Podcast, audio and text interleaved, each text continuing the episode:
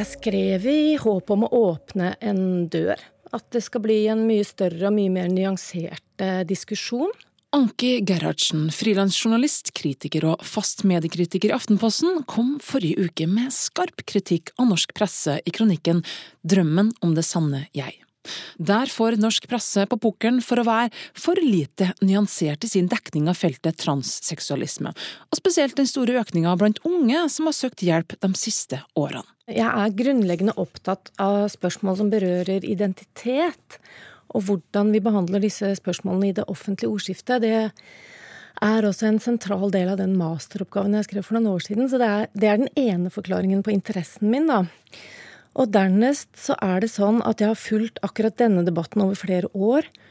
Og jeg synes mediedekningen har vært eh, påtakelig dårlig.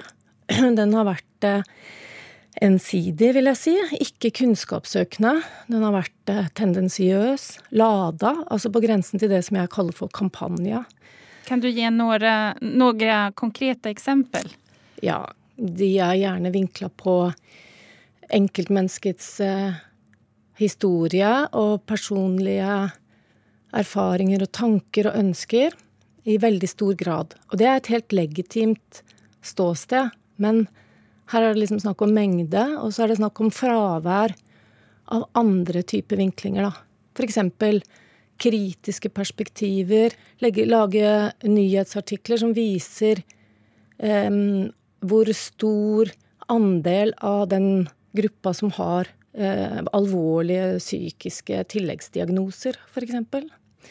Eller vinklinger som viser hva forskningen forteller oss, eller eh, hva foreldre som er usikre på hva dette her er for noe, hvordan de har det, hvordan de ser det. Det har vært en slags manglende nysgjerrighet og en idé om at den riktige vinklingen, eller de riktige sakene, har vært å følge enkeltmenneskets beretning. Da. Og dermed har det blitt også en totalitet over det som jeg mener har gitt et skeivt bilde, og som grenser til det jeg kaller for kampanjen.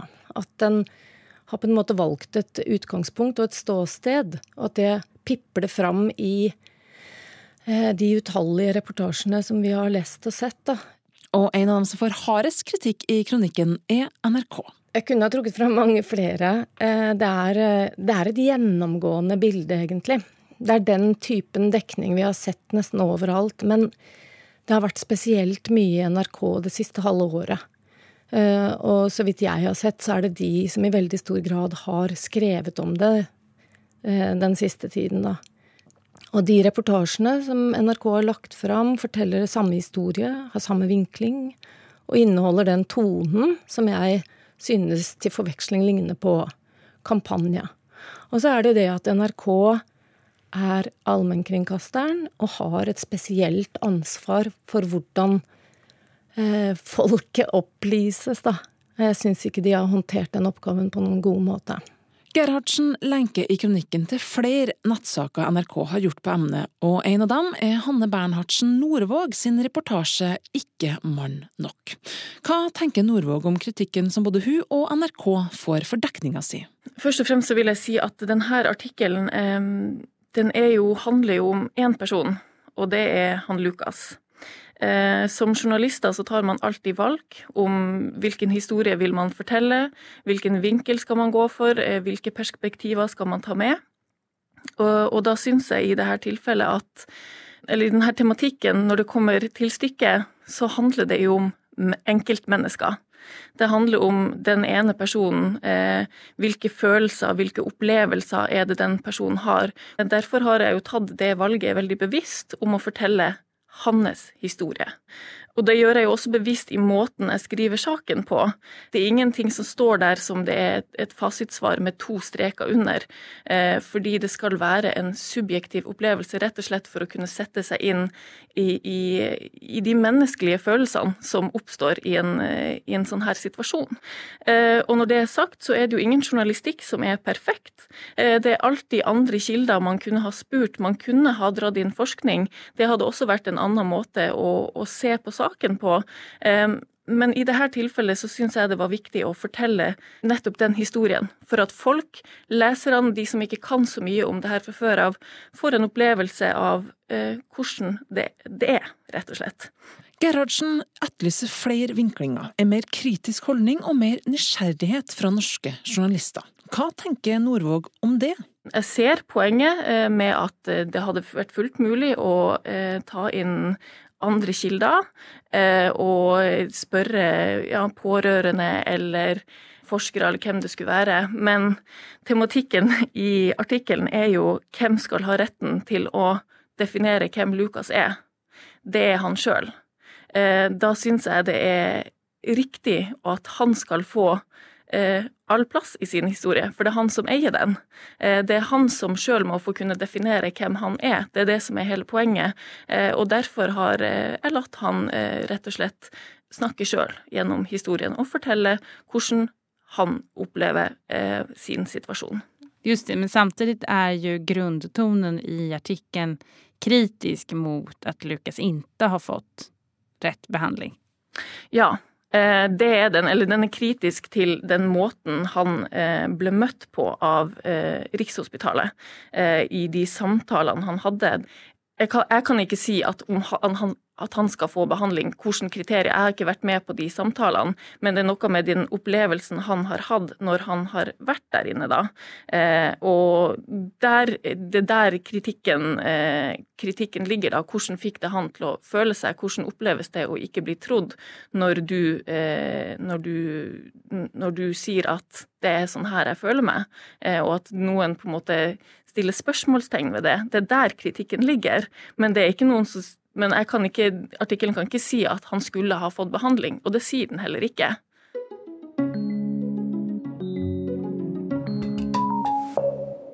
I ingressen på kronikken skriver Gerhardsen sitat, det verste som har skjedd samtalen om transidentitet, er at den har havnet i samme boks som homosaken.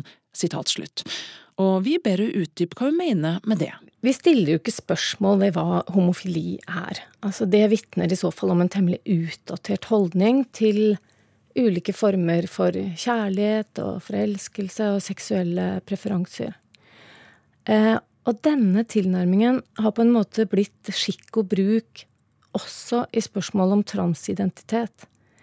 Men det er jo åpenbart at dette er mye mer sammensatt, og at eh, feltet trenger en nysgjerrig, fordomsfri dialog fra alle parter. Men ved at den har blitt plassert i den samme boksen, så har det liksom blitt eh, dårlig kutyme å stille kritiske spørsmål, da. Man har jo da automatisk blitt stempla som fordomsfull eller reaksjonær eller sånne typer begreper. Og det er kanskje derfor denne samtalen også har vært så lite nyansert. I hvert fall hittil. Kurer spør Luka Dalen Espseth, talsperson for kjønnsmangfold i FRI, Foreningen for kjønns- og seksualitetsmangfoldet, om hva han tenker om dette punktet i kronikken. Det som homofile og transpersoner har til felles, er at vi bryter med noen av samfunnet sine normer for kjønn og seksualitet. Og normene for kjønn og normene for seksualitet er ganske tett knytta sammen. Men så er det selvfølgelig på noen områder stor forskjell på det å være eh, en cis-person som er homo, og det å være en transperson. Og eh, noe av det går selvfølgelig på det rent medisinske. Transpersoner kan ha behov for kjønnsbekreftende behandling, eh, og dermed liksom ha noe med helsevesenet å gjøre på en helt annen måte enn homofile. Men det vi kan også snakke om, da, er eh, fordi hun, eh, Anki sier jo det at eh, homofili er en, en, flott ting som vi skal anerkjenne og respektere i samfunnet. Det betyr også at Anki må ta konsekvensen av det og anerkjenne og respektere kjønnsidentiteten til transpersoner. For det vi sier om oss selv, er sant. Når jeg går ut på gata så skal jeg bli sett og respektert som den mannen jeg er, fordi det er min identitet. Og på den måten så er det ganske likt som det å være homo.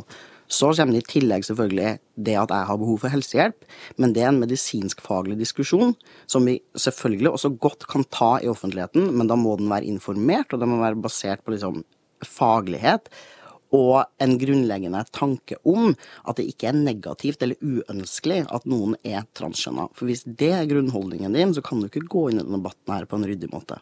Men hva syns Espseth og Fri om denne kronikken Gerhardsen har skrevet om pressedekninga av debatten? Trans er jo et ganske komplekst saksfelt eh, som angår ganske få mennesker, og eh, det er først de senere årene at det her har blitt en diskusjon i offentligheten. Så det er ikke rart at ikke alle journalister har inngående kjennskap til saksfeltet. Det jeg syns er rart med kritikken hennes, er at de journalistene hun peker på, som har inngående kjennskap til saksfeltet, og som har skrevet grundig og gravende journalistikk på det feltet her, eh, har kommet til konklusjoner om at helsetilbudet er for dårlig.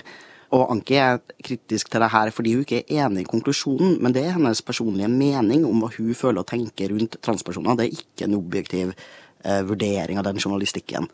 Og så er det selvfølgelig lov til å kritisere media for at de eh, gjør overfladisk og kanskje av og til litt sensasjonsprega journalistikk hvor det er fokus på de personlige historiene til folk og litt sånn herre Se, eh, han fyren her pleide å være en dame. Eh, det selv, selvfølgelig, men det er ikke nødvendigvis veldig verdifull journalistikk. Men det, den verdien det faktisk har, er å vise frem at det her er mennesker som finnes, og som lever livene sine, og som kan fortelle om hvordan de har fått det bedre av kjønnsbekreftende behandling. Eh, og det tror jeg øker liksom synligheten og respekten i samfunnet. Og så er det ikke i en sånn setting hvor folk forteller personlige ting fra livet sitt, at de skal stille de såkalt kritiske spørsmålene som Anki stiller. Og så er det noe med måten du stiller spørsmålene på, som er um, um, De er ganske lada, da. Når du omtaler det som at helsepersonell uh, på det feltet her bare har et lite liksom, ett år, etter, ett år utdanning i sexologi, og så går de rundt og kutter puppene av 13-åringer. Da bruker du et så lada og ufint språk at det ikke går an å forholde seg seriøst til det, tenker jeg. Språket Espseth refererer til er blant annet denne setningen. Sitat. Det har skapt en banal, sivil og lite opplysende journalistikk som tror den må logre entusiastisk når 13-åringer krever å få skjære av seg brystene. Sitat slutt. Hva tenker Gerhardsen rundt de ordvalgene hun har gjort, som får blant annet Fri til å reagere? Altså, jeg syns ikke det er noen skarpe formuleringer. Jeg beskriver uh, realiteter. Men også har jeg betraktninger om journalistikken, da. Jeg mener at den er servil og eh, banal. Og med det så mener jeg at den er ja lite opplysende, lite nyansert. Hvor er de som angrer? Hvor er de som er i tvil? Hvor er foreldrene som er urolig for at eh, barnets ønske om kjønnsskifte egentlig handler om psykiske tilleggsproblemer? Hvorfor stiller ikke journalistene kritiske spørsmål til FRI, denne foreningen for eh, transpersoner, og flere for så vidt? Når det er liksom et fravær av kritiske spørsmål mot den ene gruppen, og en veldig negativ framstilling av den andre siden av saken, da, da blir journalistikken dårlig og banal, altså i, i betydningen forenkla. Anki Gerhardsen omtaler forskere og fagfolk en hel del i kronikken. Blant annet skriver hun at det må være rart å være lege og forsker og samtidig vite at kunnskapen din er i nærheten av uønska i det offentlige ordskiftet.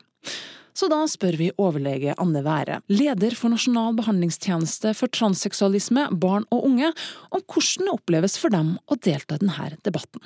At meningene våre er uønsket, eh, kan jeg kjenne igjen i og med at vi eh, er, eh, kommer med et varskorop i forhold til den store økningen vi har sett, og at vi tenker at vi må være forsiktige og kanskje da oppleves som konservative.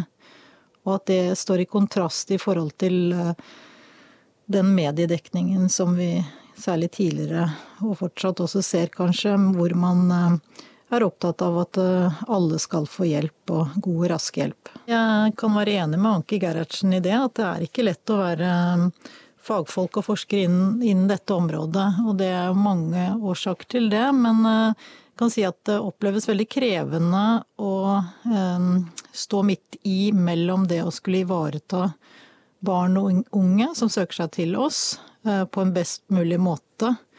Samtidig som eh, det er et enormt press på at de skal få behandling fra både pasientene selv og deres foresatte, men også ute i media, kan du si. Og man kan også si at det er et press fra politikere. Så den skvisen der er kanskje det som er mest utfordrende.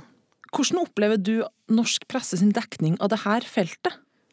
Tidligere, og kanskje også fortsatt, så er det sånn at um, pressen har vært flinke til å, til å vise fram uh, enkeltsaker med personer som uh, ønsker å, å, få hjelp i forhold til sin uh, kjønnsidentitet.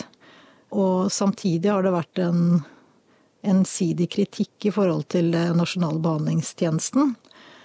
Begge deler har vært veldig viktig, men det har blitt veldig ensformig, og man har ikke evnet å belyse dette temaet på en videre måte.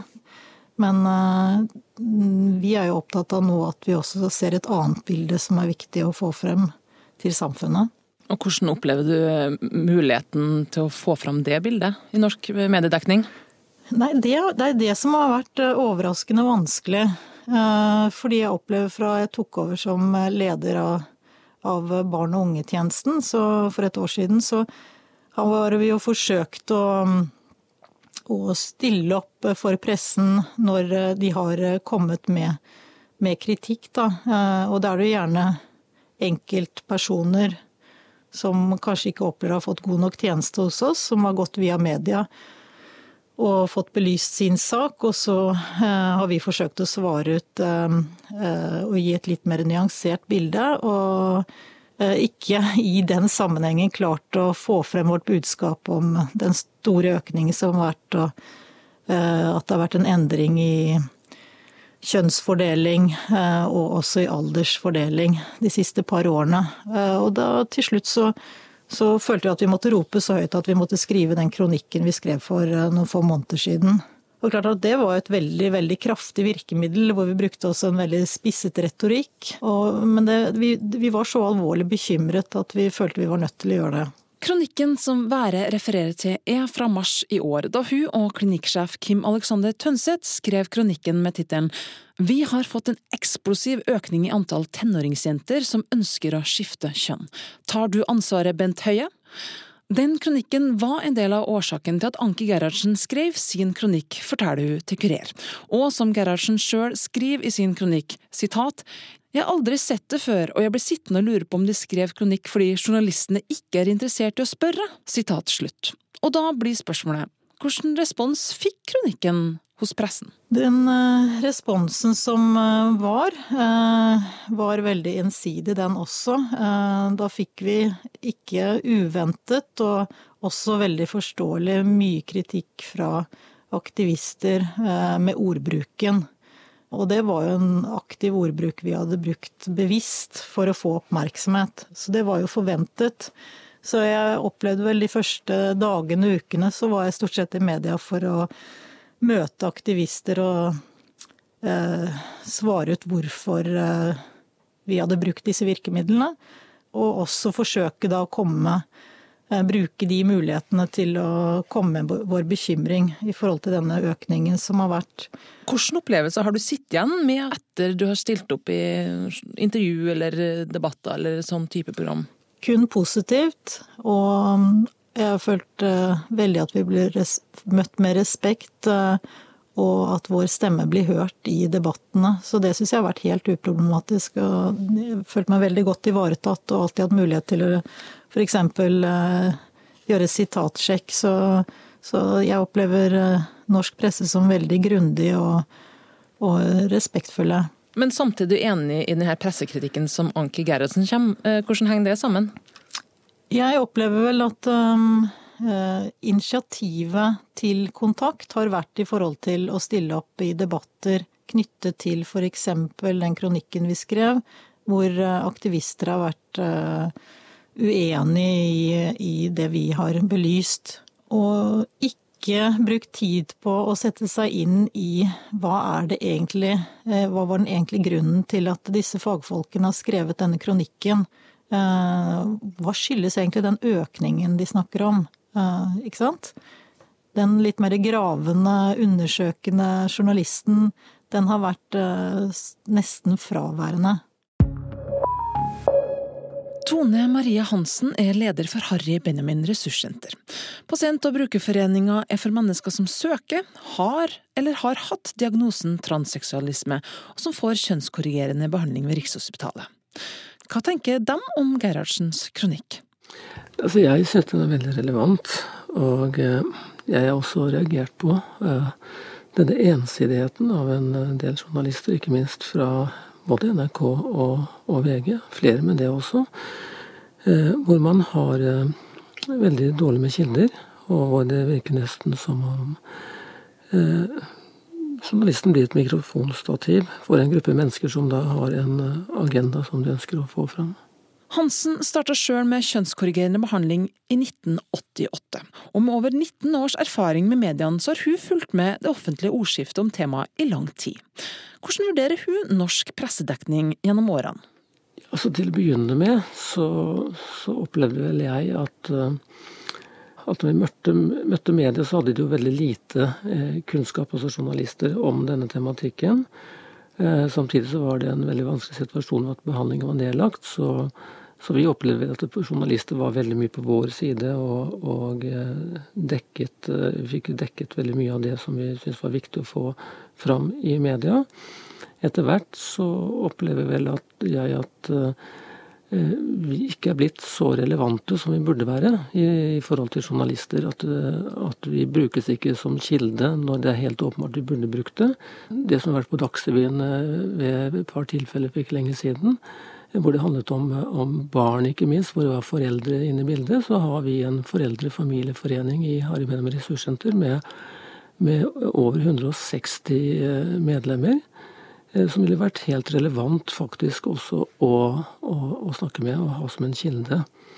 I andre tilfeller så vil det være naturlig at man har hovedorganisasjonen Harry Benham ressurssenter som en kilde, når man snakker faktisk om pasientbehandlingen for den pasientgruppen vi representerer. Hva tenker du om at pressen ikke har kontakta dere? da? Jeg syns det er meget eh, beklagelig og trist. Eh, Eh, og det har jo noe med at jeg tenker på dette med Vær varsom-plakaten, som en journalist jo skal forholde seg til. Eh, og da ikke minst det å forholde forholdet til kildene. At man skal være kritisk i valg av kilder, og kontrollere de opplysninger som gis er korrekte. Og det opplever vel jeg at eh, en del journalister ikke er særlig flinke til.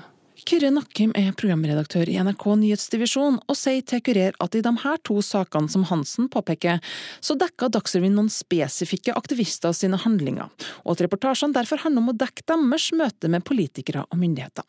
Han forteller videre at i akkurat de her sakene var ikke naturlig å invitere en representant fra Harry Benjamin ressurssenter, men om Dagsrevyen skulle lage en mer generell sak om emnet, så ville de selvfølgelig vurdere å spørre dem òg. Hva er norsk presse god på, og hva kan de bli bedre på når det kommer til omtale av eh, kjønnsidentitet og kjønnsskifte? En ting som jeg savner veldig, det er nok eh, forståelse av ord og begreper. Jeg tenker også på det som står i Vær varsom-plakaten om publiseringsregler. At man skal vise respekt for menneskets egenart og identitet. Eh, at man da skal være varsom med bruk av begreper som kan virke stigmatiserende. Og alle disse transordene, transpersoner som man bruker så utrolig ofte om denne gruppen, det er veldig stigmatiserende, fordi folk forstår ikke at det faktisk, hva det handler om. Tanken på din egen kropp er avskyelig. Vi visste jo ikke noe. Vi visste jo ikke hva vi skulle gjøre. Når vi ble født, så var vi som de fleste normale tvillingbrødre. Og så har jeg liksom på en måte bytta kjønn, da. Dokumentarserien Født i feil kropp, som ble sendt første gang i 2014 på TV 2, har fått mye ros, blant annet Gullruten for beste dokumentarserie, men også fått en del kritikk. Kurer tok kontakt med TV 2 for å høre om dem følte seg truffet av mediekritikken fra Anki Gerhardsen. Men PR- og mediesjef Jan Petter Dahl svarer i en e-post at vi ønsker ikke å kommentere kritikken som kommer frem i denne kronikken, da den ikke rettes mot TV 2 spesifikt. Det her er kompisen min Luka. Vi har kjent hverandre siden vi var tolv år. Da var Luka ei jente. Luka Dalen Espseth har sjøl vært mye profilert i mediene, både som talsperson for Foreningen FRI, men også som privatperson, gjennom annet P3-dokumentaren Mann uten penis. I dag lever han som mann og har gått på kjønnsbekreftende behandling og fått testosteron i et år. Men hvordan har han sjøl opplevd det her møtet med norske medier? Generelt eh, så har min kontakt med media vært ganske positiv, og jeg har fulgt med liksom stor interesse og positivitet den utviklinga som har skjedd, hvor um, folk i media har blitt mer Altså journalister har blitt mer kompetent på det feltet her. Um, det jeg syns er synd, er at det er vanskelig å komme på media med rent politiske og faglige saker uten å også selge en sånn personlig historie, fordi det er det som som selger og fungere. Eh, men for noen så kan det også være en fin måte å se hvem vi faktisk er, hva slags liv vi faktisk lever. Så det kan være liksom eh, både positive og negative sider med de liksom personlige historiene i media. Hva tenker NRK-journalist Hanne Bernhardsen Norvåg om den kritikken Espseth kommer med? Jeg tror nok det er veldig sant, det han sier. Eh, det handler jo om å gjøre en eh, tematikk konkret, eh, og gjøre den taktil. Et av de viktigste journalistiske kriteriene man jobber ut ifra i media, er jo identifikasjon, gjenkjennbarhet. Det er ikke sikkert du kjenner deg igjen i akkurat den historien, for det, det er ikke din historie, men du kan kjenne igjen menneskelige elementer. Beste måten å relatere og skape interesse for en sak, er jo nettopp å vise fram menneskene det angår. Eh, derfor tror jeg nok at man opplever at eh, det å case en eh, tematikk, som vi kaller det for, eh, det er jo som oftest det vi ønsker for å eh, gi, gi saken flere bein å gå på, og rett og slett gjøre saken sterkere.